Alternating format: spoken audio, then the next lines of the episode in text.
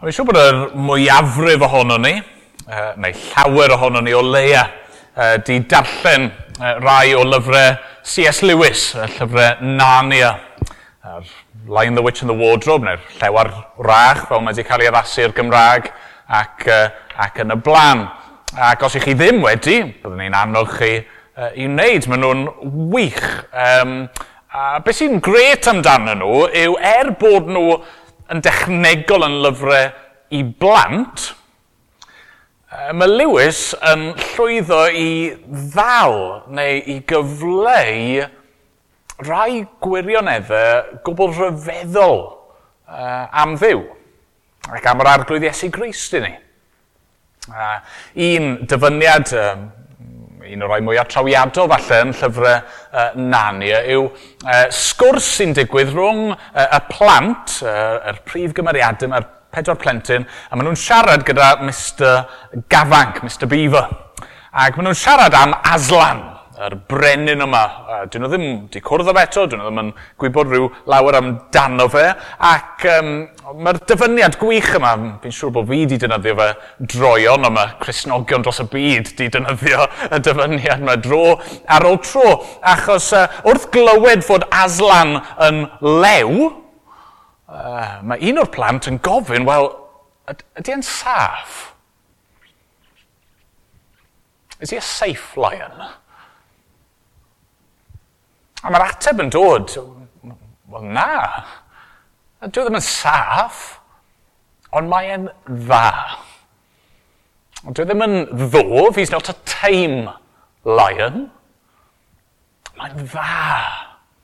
Hynny, mae'n y bwer a, a nerth ac awdurdod ganddo fe. Dwi ddim yn saff, ond mae e yn dda. A dyna'r gwirionedd i ni'n mynd i weld uh, sawl gwaith uh, prynhawn wrth i ni edrych ar arch y cyfamod. Mae yna nifer o elfennau pan chi'n edrych ar uh, natur arch y cyfamod. Mae yna uh, bethau amdano fe sy'n pwyntio ni at yr gwirionedd mawr yma am ddiw. Ac, wel, yn benodol am yr arglwydd Iesu Gris. Bod e, bod e ddim yn saff, bod e ddim yn ddof, bod e ddim yn un ni'n gallu i, i drin yn, yn ysgafn, ond mae e'n dda. Fel yr hael, a'r môr, a grymoedd fel tân a thrydan. Maen ma nhw'n bethau gwych a ryfeddol ac uh, hyfryd mewn gymaint o ffyrdd. Ac eto, mae eisiau trin nhw'n ofalus a trin nhw a pharch. Mae yna berygl yn does. Pan ni'n ni sôn am yr arglwydd Iesu, pan ni'n sôn am ddew, mae yna llawer o bobl sydd yn trial dofi dew. Yn trial uh, roi am ni ryw focsau gadw e yn saff. O, dyma'r math o ddew allai nesau ato. Mae eisiau ni gofio mawredd ein dew ni. Ac eto, ddim cadw'n pellter a, a ffoi oddi wrtho fe mewn ofyn a dychryn ond, o nesau at y diw da a hyfryd yma. Felly, arch y cyfamod. Beth oedd yn wir am yr arch yma? Peth cyntaf amlwg sy'n cymryd ein sylw ni yw y polion. Okay, iawn, mae'n sôn am y mesuriadau, a mae'n sôn am yr air, ond oedd yna lot o air yn y tabernacl a'r deml. Y peth mawr amlwg cyntaf yw y polion. Adnod deuddeg ymlaen, ni'n darllen rwy ti lunio pedair dolen gron o air ar gyfer ei phedair congl, dwy ar y naill ochr, dwy ar y llall, gwna bolion o goed acasia a'i goreiro, a'i gosod yn y dolennau ar ochrau'r arch i'w chario. Mae'r polion i aros yn olennau'r arch heb ei symud oddi yno. Mae'r pam yn y byd fod angen polion? Wel, mae presen oldeb, y ffaith bod angen polion, mae'n cyfleu dau beth Maen nhw'n amlwg, wrth gwrs, ond, on, maen nhw'n bethau pwysig. Y peth cyntaf yw bod modd symud yr arch. Ond y bolion yno i symud yr arch. A felly'r peth cyntaf mae'r polion yn cyfleu ni yw fod yr arch yn mynd i deithio. Fod Dyw yn mynd gyda'i bobl e. Ni wedi clywed yn adnod 22. Yno byddaf yn cyfarfod a thi uh, ar y drigareddfa yma, ar ben yr arch. Dyna oedd y man lle oedd Dew nawr yn mynd i gwrdd a'i bobl ac yn mynd i siarad â Moses ac mae yna bolion ar yr arch yma. Pam? Achos mae Dew yn mynd gyda nhw. Nawr wrth gwrs mae Dew ym mhob man. Mae Dew yn holl bresennol Gallwch chi fyth ffeindio rhywle uh, trwy'r greadigaeth lle nad yw Dyw, ond beth sy'n cael ei bwysleisio fan hyn, beth sy'n dod yn amlwg efo'r polion yma sydd ddim i gael ei symud o'i lle, maen nhw wastad fod yno, yw, yw bod Dyw yn mynd gyda'i bobl e. Uh, Mae mynydd Seinau a yr holl ryfeddod yna o Dyw yn cwrdd â'i bobl ac yn, yn rhoi cyfraith iddyn nhw ac yn, yn ei hanfon nhw mlaen i wlad yr addewid. Dyn nhw ddim yn gorfod aros fyna. Uh, mae, mae gennym ni mobile mynydd Seinau. Falle bod ni'n ffindo hynny'n anodd i, i ddeall pan bod e'n gymaint o big deal. Hynny yw ni'n byw mewn oes lle mae mae teithio'r byd wedi bod yn, yn beth ddigon yn rhwydd, beth ddigon cyfarwydd. Um, ni'n gallu skypio, ni'n gallu ffonio pobl texto nhw, pendraw'r byd yn, yn rhwydd. Felly ni gael cyswllt fel hyn efo rhywun sydd ochr arall y byd. Ond fan hyn, Wrth i ddew ddod a'i bobl e allan o wlad yr aifft, ac wrth iddo fe ddweud, reit, fi'n arwain chi i wlad yr addewid, mae Dyw yn dweud, chi ddim yn gorfod mynd ar eich pen eich hun. Sa'n anfon chi, a wedyn byddai jyst yn aros fan hyn os ych chi fy angen i. Sdim angen iddyn nhw fynd i wlad yr addewid a wedyn mynd nôl i Seinau os i nhw eisiau uh, um, cyngor gan yr arglwydd, neu os yw eisiau dod i'w addoliau.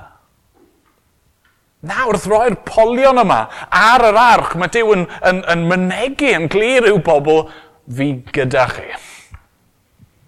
Dwi ddim jyst yn mynd gyda'i bobl, mae'n mynd o flaen ei bobl.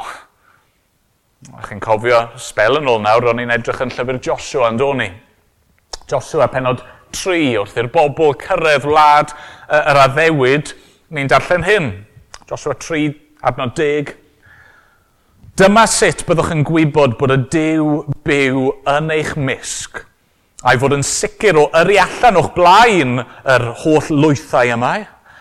Bydd arch, cyfamod arglwydd yr holl ddeiar yn croesi o'ch blaen drwy'r iorddonen.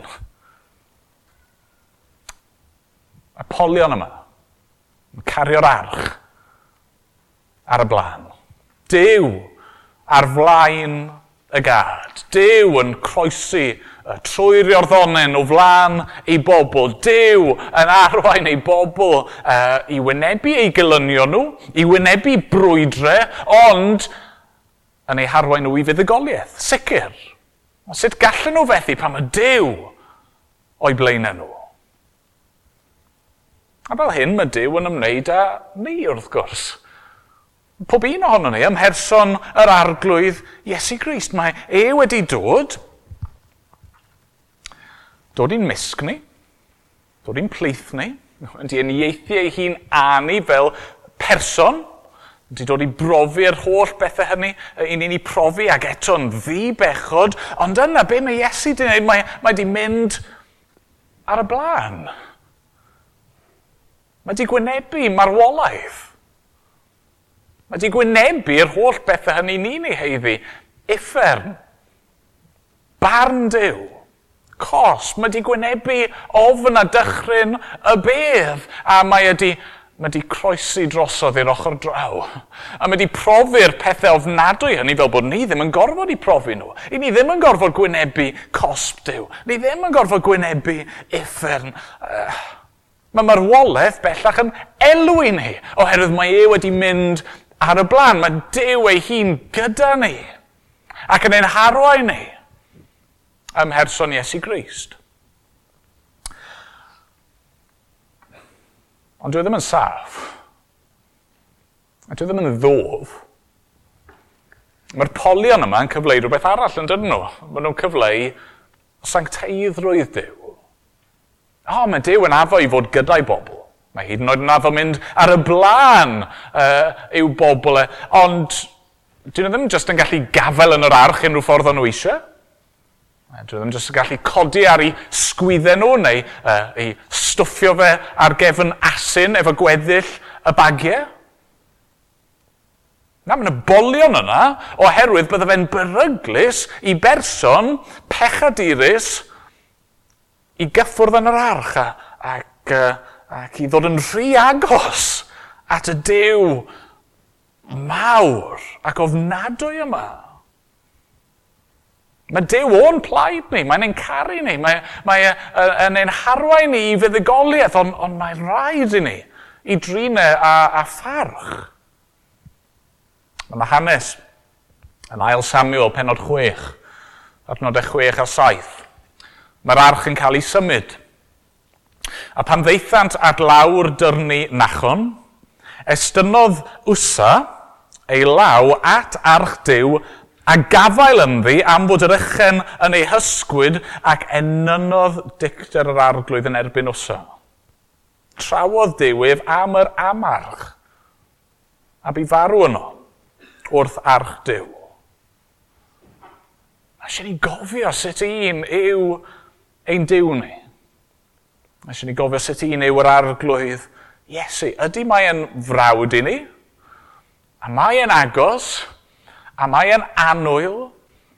Mae'n ein trin ni yn, yn dyner? Mae eisiau ni gofio i fawr o dde. Mae eisiau ni cofio yr anrhydedd mae e yn ei heiddi. Mae eisiau ni beidio a'i drin drinau'n ysgafn. Y peth cyntaf, polion. Yna, yr ail beth sy'n sefyll allan am yr arch yw yr, y dystiolaeth. Neu gallwn ni ddweud y cynnwys, beth oedd yn y bocs, beth oedd yn yr arch. A mae'r arch yn cael ei gyfeirio ato mewn gwahanol ffyrdd yn dydi, weithiau fel arch y cyfamod, weithiau fan hyn fel arch y dystiolaeth. Pam? Wel, achos oedd yna bethau yn yr arch Ac oedd y pethau hynny'n cael eu cadw fel arwyddion o gyfamod Dyw. Yr gytundeb yma, a ddiwydion yma oedd Dyw wedi wneud wrth ymrwymo ei hun i'r bobl. A oedd y pethau yma, pethau oedd yn yr arch, ond nhw'n dystiolaeth. Yn evidence. Ond nhw'n tystiolaethu i yr hyn oedd Dyw wedi wneud dros y bobl. Ac i'r berthynas oedd y bodoli rhwng y bobl yma a'i dew nhw. A felly mae'n dweud yn adnod 16, rwy ti roi yn yr arch y dystiolaeth rwyf yn ei rhoi i ti. Nawr, dyw'r eitemau ddim yn cael ei roi ni, ni ddim yn clywed beth yw uh, yr dystiolaeth sydd i'w rhoi yn y bocs fan hyn. Um, yn y Testament Newydd, yn Hebreed 9, penod 4, mae'n y restr, restr cyfleus uh, iawn i ni o beth oedd yn yr ardd. Hebreed 9, penol pedwar, um, sôn am arch y cyfamod wedi ei goreiro dros i gyd, yn honno, roedd llestr air yn dal y manna, gwialen aron a flygurodd unwaith, a llechau y cyfamod. Felly oedd y dri ffydd yn yr arch. Oedd gennych chi uh, llechau'r cyfamod, oedd gennych chi'r cerig yma. Uh, oedd yn cofnodi cyfraith Dyw y deg o'r chymyn. A beth sy'n wir am y de gorchymyn? Wel, ni wedi gweld yn barod yn dyn ni. Mae'r de gorchymyn, cyfraith Dyw yn, yn beth da. Ond beth hyfryd, mae Dyw yn dangos i ni sydd i fyw fel ei bobl e. Yn uh, dangos y ffordd gorau o fyw. Ac eto'r un pryd mae'r gyfraith yn, ein condemnio ni, yn dydy? Uh, wrth i ni ddarllen y gyfraith ac wrth i ni chwilio ein calonau, beth i ni'n gweld yw er mor dda yw'r gyfraith yma mae Dyw wedi roi, mae'r gyfraith yn ein condemnio ni, mae'n dangos ein methiant ni. Beth arall sy'n yr arch? Wel, yr wialen yma, gwialen Aron. A ni wedi clywed am y wialen o'r blaen, chi'n cofio, dyma'r ffon nath Aron ddefnyddio wrth iddo fe a, a Moses arwain y bobl o'r aifft a'i hachub nhw rhag ffaro. A wedyn yn llyfr niwmer ni'n clywed mwy am y wialen. Ac uh, mae'n sefyllfa ddigon trist. Mae yna um, grwgnach, chwyno, gwrthryfela yn y gwersyll. Um, mesgyr Israeliad, maen nhw'n cwyno'n erbyn Moses ac Aaron. A felly, um, Mae yna rhyw fath o brawf yn cael ei uh, osod. Niwmer 17, adnod 6. Llefarodd Moses wrth bobl Israel, a rhoddodd pob un o arweinwyr y tylwythau wialen iddo, deuddeg i gyd, ac roedd gwialen Aron ymhlith ei gwiael hwy. Yna gosododd Moses y gwiael ger bron yr arglwydd ym mhabell y dystiolaeth, Tran oedd aeth Moses i mewn i babell y dystiolaeth a gwelodd fod gwialen Aron, oedd yn cynrychioli tŷ Lefi, wedi blaguro a blodeio a dwy'n almonau eiddfed. Yna daeth Moses a'r holl wiail oedd gerbron yr arglwydd allan at holl bobl Israel, ac wedi iddynt ei gweld cymerodd pob dyn ei wialen, A dwedodd yr arglwydd wrth Moses, ro wialen Aron yn ôl, o flaen y dystiolaeth, fel arwydd i'r rhai gwrthryfelgar. Rydd hyn daw ar ei grwgnach yn ferbyn, rhag iddynt farw. Felly mi ddech chi'r wialen yma'r ffon yma sydd ar y naill law yn cyfleu mae Dyw yn nerthol ac yn gallu achub ei bobl e rag y ffaro. Uh, Ac eto'r un pryd, yr wialen yma sydd yn, yn rhybyddio. Peidiwch a, ag uh, gwrthryfela yn fy erbyn ni ac uh, yn erbyn uh, yr arweinwyr fi wedi dewis, Moses ac Aron. Beth arall oedd yn yr arch? Wel, y manna. Ni wedi clywed uh, eto am hyn yn barod yn uh, Exodus 16, adnod 33. Dwedodd Moses wrth Aron, cymer grochan, Ar o ynddo, omer lawn o'r mana, a'i osod o flaen yr arglwydd, i'w gadw ar gyfer y cenedlaethau a ddaw. Gosododd Aron ei fo flaen y dystiolaeth i'w gadw fel roedd yr arglwydd wedi gorchymyn i Moses.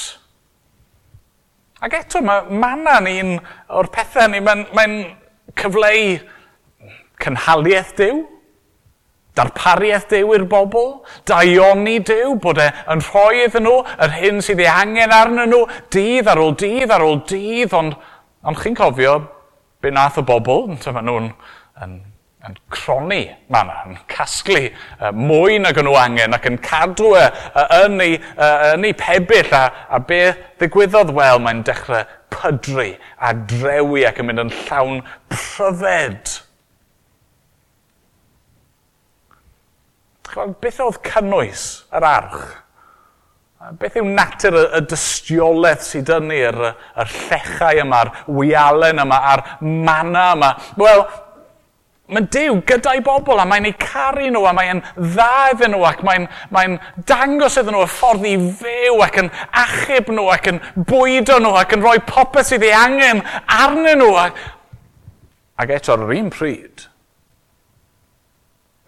os ych chi'n torri'r gyfradd, os ych chi'n gwrthryfela yn erbyn yr arglwydd, ac os ych chi'n anifeddhau iddo fe, mae hynny'n beth difrifol, a mae yna oblygiadau i hynny. Yn wir, mae torri cyfraith yr arglwydd mor ddifrifol. Nes yn y diwedd, yr unig ffordd i'n hachub ni oedd bod mab Dyw ei hun yn gorfod dod i farw yn ein lle ni. Oedd rhaid iddo fe ddod a cadw'r gyfraith yn berffaith. Oedd rhaid iddo fe ddod a, am rhyddhau ni rag nid ffaro, ond y diafol a'n harwain ni i ryddid. Oedd rhaid iddo fe ddod, ie, mana, diw, y bara'r bywyd yn dod i lawr o'r nefoedd i ni, er mwyn ein cynnal ni ar y daith beth arall? Wel, mae'n un peth arall oedd yn wir am yr arch, sef y drigareddfa. Y drigareddfa. Ac um, falle bod hwnna'n air uh, anghyfarwydd i ni, beth oedd y drigareddfa, oedd, oedd clawr, uh, cyfy uh, ar ben yr arch. Ac uh, yn Saesneg, term mercy seat, uh, fel arfer yn cael ei ddynyddio, yr enw ni'n ei roi iddo fe yn Gymraeg yw y drigareddfa. Adnod 21. Rwy ti roi'r drigareddfa ar ben yr arch, a roi yn yr arch y dystiolaeth byddaf yn rhoi i ti. Yno byddaf yn cyfarfod a thi, ac oddi ar y drigareddfa rhwng y ddau gerwb sydd ar arch y dystiolaeth, byddaf yn mynegu ti'r holl bethau rwyf yn ei gorchymyn i bobl Israel. A'r gair na'n wych di, trigareddfa. Ond mae'r un tensiwn dyn ni eto wrth i ni feddwl am y drigoreddfa yn does, achos hynny yw, beth, beth yw'r, beth mae'r gair yna'n cyfleu? Wel, yn gyntaf i gyd, trigaredd wrth gwrs. Bod Dyw yn, yn trigarhau wrth ei bobl, bod e'n cwrdd â nhw ac yn siarad gyda nhw a ddim yn ei dinistrio nhw fel bydden nhw'n ei heiddi er bod nhw yn bechaduried, er bod nhw yn bobl methedig, er bod nhw yn gwrthryfela, yn gyson yn ei erbyn e, ac yn crwydro oddi wrtho fe, ac yn, yn cymryd diwiau eraill, uh, ac yn, uh, oh, yn ei mes llwyr dro ar ôl tro, mae Dyw yn addo cwrdd â nhw ar y drigar eddfa. A, a bod yn dda iddyn nhw, a madde iddyn nhw, a rhoi bywyd iddyn nhw,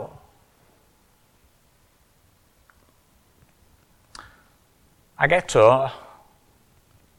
ar ben y drigoreddfa, beth sydd ydych chi'r cyriwbiad yma? Yr uh, bodau nefol, yr angylion nerthol yma. Edrych yn ddigon bygythiol, fi'n siŵr. Ymddwyn fel rhyw rybydd i y rheini byddai yn nesau. Ac wrth gwrs, mi'n siŵr bod y mwyafrif o'n i'n gwybod dim ond uh, unwaith y flwyddyn byddai un person yn cael nesau at y drigareddfa. Yr archoffeiriad yn cael mynd i fewn uh, i'r man yna, y man canolog yna, lle oedd Dyw ac, ac a dim ond yn gallu gwneud hynny, dim ond yn gallu mynd i'r drigareddfa gyda gwaed. Gwaed yr aberth, gwaed uh, y cymod dros bechod y bobl. Mae'r dew da yma yn cynnig trigaredd, mae'n cynnig maddeiant, mae'n cynnig bywyd, ac eto, dyw e ddim yn saff, dyw e ddim yn ddof. Mae'n gorfod cosbi pechod. Mae'n bir, mae'n lan, mae'n gyfiawn. A mae'n gariad. Diolch iddo mae'r arglwydd Iesu wedi dod i gynnig tregaredd i ni. Ond o, daeth diwedd i'r aberthu, cyson, rheoledd yna. Daeth diwedd i'r yr ofn fi'n siŵr oedd yr archoffeiriad yn teimlo bob tro byddai'n mynd at y drygareddfa. Wrth yr arglwydd Iesu ei hun, yr archoffeiriad mawr, a berthu ei hun drosto ni, roi ei waed e er mwyn i ni brofi trigaredd Dyw fi wedi sôn am hyn o'r blaen, fi'n gwybod, ond fi'n meddwl mae'n mae ddarlun gwych um, yn Iowan penod 20. Y pas cyntaf. Mae disgyblion di bod i'r bedd, mae'r gwragedd di bod, mae nhw wedi ffindo'r bedd yn wag, mae um, mwyafrif di gadael, ond mae Mair Magdalen dal yna. Iwan 20 ac adnodau 11 a 12. Oedd Mair yn dal i sefyll tu allan i'r bydd yn wylo. Wrth iddi wylo felly, plygodd i edrych i mewn i'r bydd. a gwelodd ddau angel mewn dillad gwyn yn eistedd lle roedd corff Iesu wedi bod yn gorwedd. Un wrth y pen a llall wrth y traed. Mae'r yn cael gweld yr hyn oedd yr archoffeiriad, ond yn cael ei weld unwaith yr y flwyddyn, ar y edfa, angel ar y ddau pen. Chi'n gweld y pwynt fan hyn, dyma y edfa, y, y gwir drygereddfa. Dyma y man oedd y cysgod yn pwyntio iddo fe. Dyma'r man lle mae Dyw a dyn yn cael ei cymodi. Dyma'r man lle mae Dyw yn, yn, yn dangos ei hun i'w bobl trwy aberth Iesu Grist a'i atgyfodiad e trwy'r bydd gwag yna.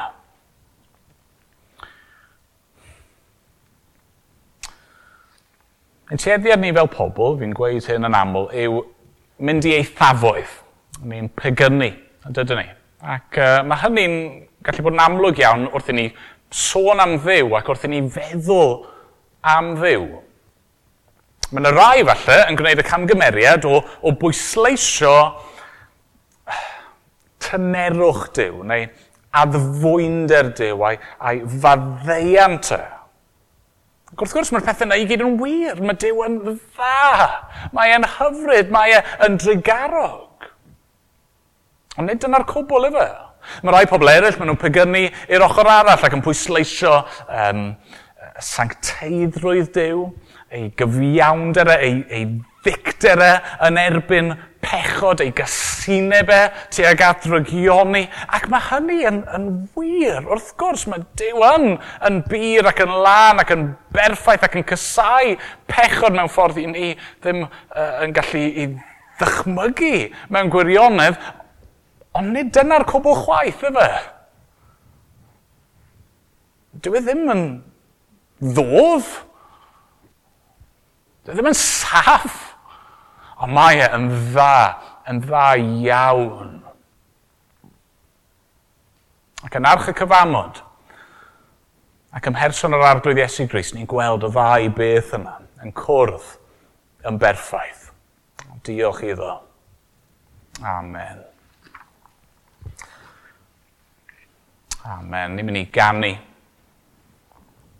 Unwaith eto, wrth i ni orffen Rhif naw yn yr atodiad. Datgyddia i mi'n gyson y groes ar galfari. Y man lle rwy ti'n canmol dy gariad ato fi. Datgyddia i mi'n araf i'r lygad gwan fy ffydd, yr hoelion a'i trywanodd, y rhai am gwnaeth yn rhydd. Datgyddia i mi yno, ddigofaint diw ar ddyn. A'r Iesu yn ei ddioddau ac yn traen lan ei hun. Gad i mi glywed eto'r ing oedd yn ei gri pan gafodd gip ar effern a drodd y nef i mi. Ac wrth y groes, diolchaf am ras a ddaeth mewn pryd.